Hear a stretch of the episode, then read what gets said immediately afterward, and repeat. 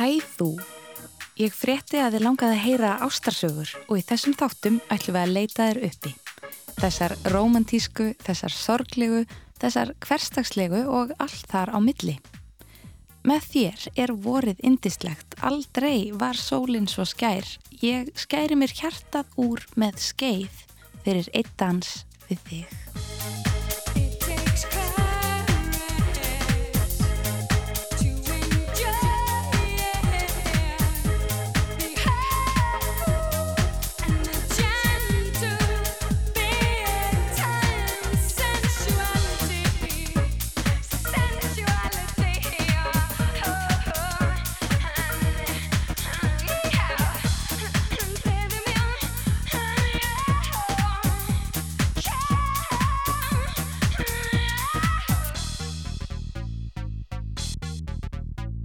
Hlustum á Ísolt.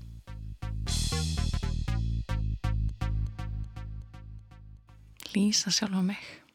Það er rauninu mjög erfitt í að þú veist, í mjög langa tíma þá fannst ég mig ekki vera til og átti erfitt með að einhvern veginn að, að trúa að Ísolt mætti vera einhvern veginn að ég veit ekki hvað ég er að segja. Ah,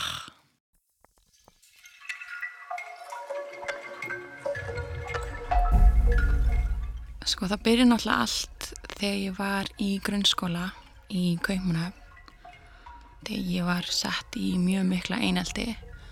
Ég vildi bara ekki fara í skólan eða hitta neitt, tala við neitt og var bara mjög hrætt að vera til fyrir aðra.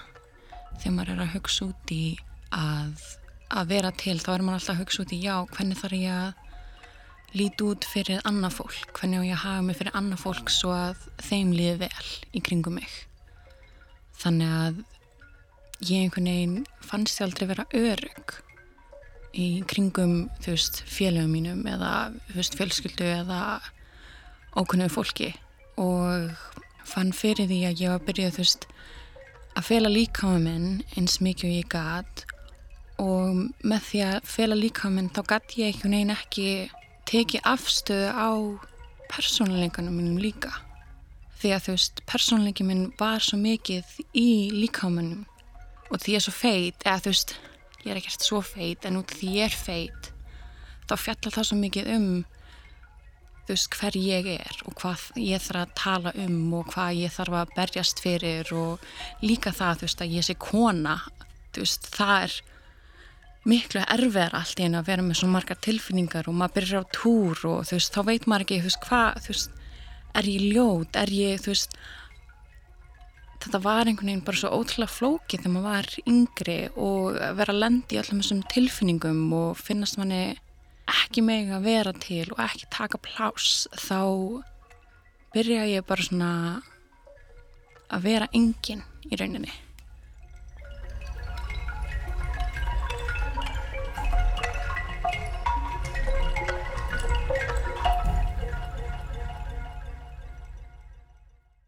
Þegar ég var krakki, unlingur, nýflutt til Íslands, þá var ég svona 16 ára og fóröldunum mínir eru listamenn og listin hefur alltaf verið í blóðinu mínu en ég viss aldrei hvað mér langaði að gera með það.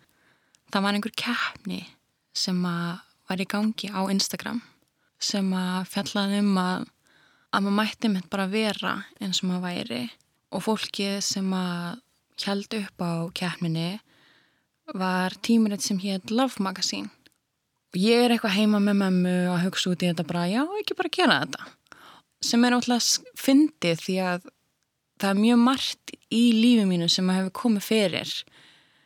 Eins og þú veist þessi keppni að ég einhvern veginn þótt að ég sé kannski alltaf að hugsa um líkaminn og þetta að ég þóri ekki vera til þá einhvern veginn fannst mér alveg sjálfsagt að taka þátt í þessa keppni.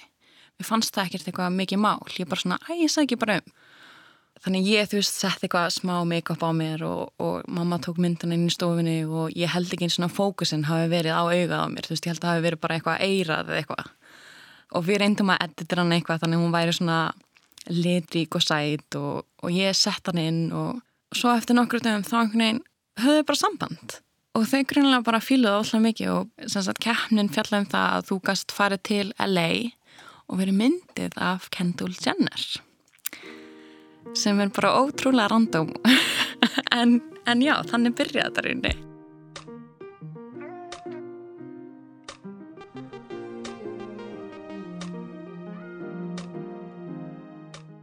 Ég fór sem sagt til LA, ég hitti Kendall Jenner.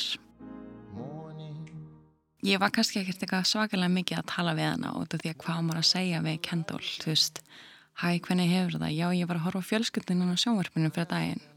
Æ, leðilegt það sem að rápera gangi í gegnum eða eitthvað, þú veist, maður segi, ég get ekkert eitthvað sagt það, þú veist, ekki það að ég viti hver hún er þótt að fjölskyldanar er á sjónvarpinu. Það var náttúrulega bara ég sem fór út þetta voru alveg einhverjir 25 alar sem fengi að vera með í tímarendinu og ég var eina stelpa sem var feitt Kendall er náttúrulega bara þú veist, the opposite af því sem ég þú veist, hún lítur ekkert út fyrir að vera feitt, whatever angle þá er hún bara fullkomin eins og maður segir. En hún var samt alveg ótrúlega næs. Þú veist þannig að sé eins næ sem að getur verið þegar maður er, er ótrúlega frægur einstaklingur.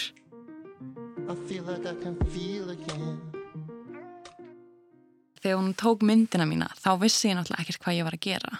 Ég var aldrei búin að vera fyrirsæta áður og var aldrei búin að upplifa það að einhver vildi taka myndina mína. Ég stóð bara í einast stellingu og gerði ekkert annað.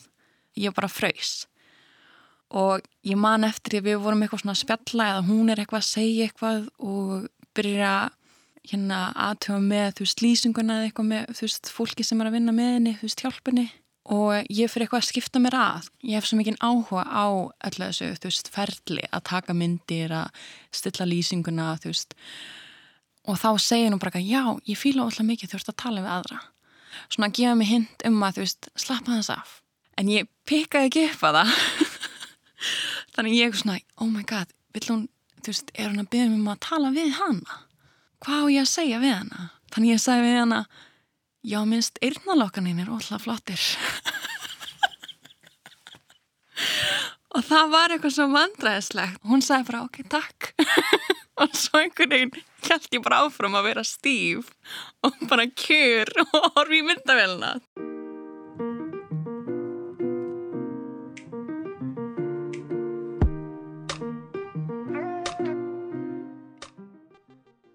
ég, þú veist, varð ekki fræk það, bara, það var bara varð þannig. Og, og ég fjekk ekkert eitthvað fleiri tækifæri til þess að reyna að vera fræk og það var örgulega mjög erfitt fyrst að einhvern veginn þurfa að sækta sig við það að, að þótt að þetta verkefni hafi verið ótrúlega stort og ótrúlega skemmtilegt tækifæri til þess að svona byrja upp á nýtt einhvern veginn að þá þú veist, það var, það var ekki nóg. Þegar maður er nýbyrjuð í þessum bransa, þá veit enginn hver þú ert. Og það er mjög fyndið að einhvern veginn þurfa að bera sér saman við, þú veist, allt þetta fræga fólk og segja að, þú veist, að ég væri líka partur af þeim hópi. Maður byrjar á því að vera feiminn, feit, stúlka sem að veit ekkert hver hún er, kann ekki að vera til og svo gefur maður eitt verkefni og maður einhvern veginn ákveður að, að segja, að þú veist, að hugsa bara já, ég skal, ég skal vera til. Ég skal vera til, en samt fyrir ykkur ekki kannski endilega fyrir mig.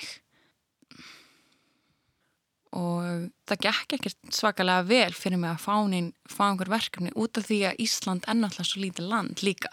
Mér litist ótrúlega mikið og ég fann fyrir því að mér langaði ótrúlega mikið að gera þessa hluti, þú veist, mér langa að fara í myndatökur og gera viðtöl og þú veist, setja inn þessa vinnu sem þurfti en svona, þá var enginn tækifæri til þess.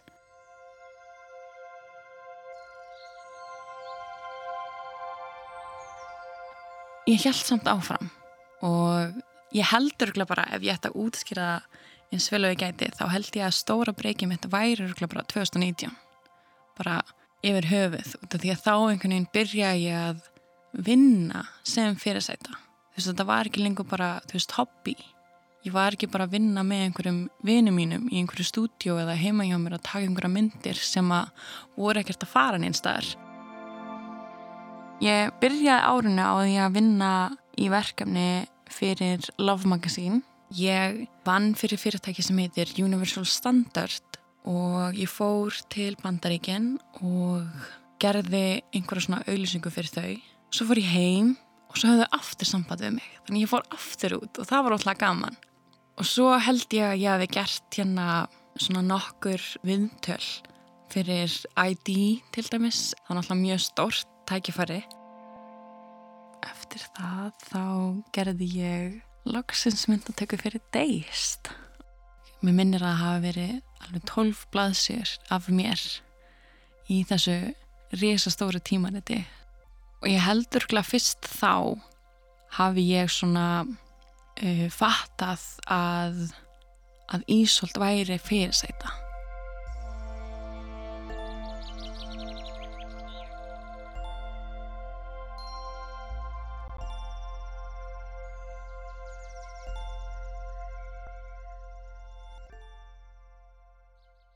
Þegar ég fyrst byrjaði að vinna í þessum bransa var það mjög þekkt að ég satt nakin fyrir og þá einhvern veginn gæti ég svona upplifað líkaðu minn eins og ég var í þriðja manneskjan þú veist, í herbyrginu og ég tók eftir þú veist, vá, hvað, þú veist, ég tók eftir öllu, þú veist, hvað mæjum minn væri stór, hvað hérna ég væri með svona appilsinu húð allstaðar en það skipti einhver máli út af því að það var það sem verkefnið fjallaði um að sína hvað einhvern veginn samfélagið var alltaf að reyna að fela. Og eftir að ég gerði það þá var þetta einhvern veginn svo veist, það var ekki alveg eins hættulegt að játa að ég væri feit og að stundum þá einhvern veginn fannst ég ég vera ljót og því ég væri feit. Og svo því ég byrja að hugsa til það bara já, af hverju, af hverju heldur þú sért ljót og þú sért feit að þá einhvern veginn koma alls konar aðra spurningar. Já, það er út af samfélaginu. Já, það er út af öðrum tímaritum. Já, það er út af, þú veist það er alltaf einhvern búin að vera að segja mér að ég ætti að vera einhver önnur, lít út einhver, eitthvað öðruvísi. Ég veit ekki, ég held að það hjálpu örgla þegar maður er að reyna að finna svona sjálfströsti sitt að hugsa út fyrir raman hætta að reyna að líta á sig sem eitthvað svona sexsymbol og líta á sig sem listaverk.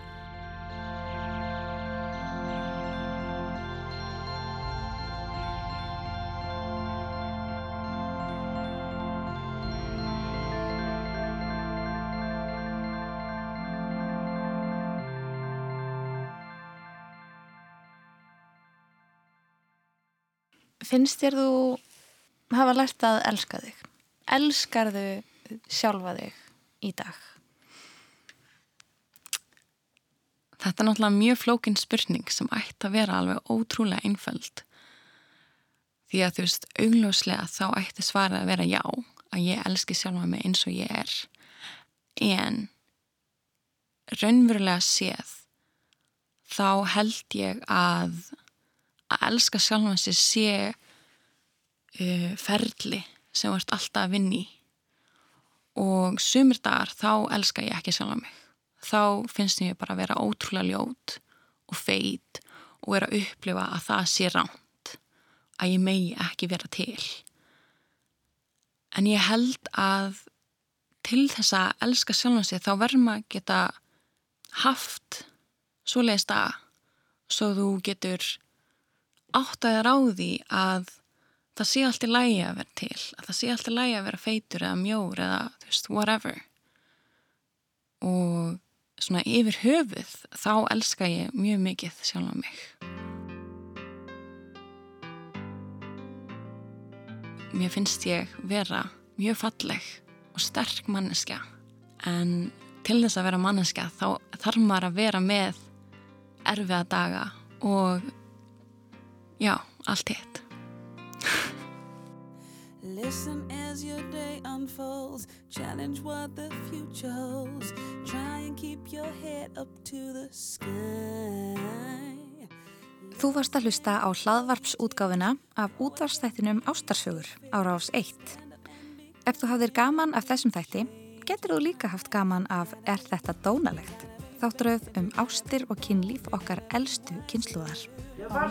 Nei, nei, býtu við, þá man ég eftir þegar ég var í barnaskólanum, þá var sko engin íþróttasalriðinni.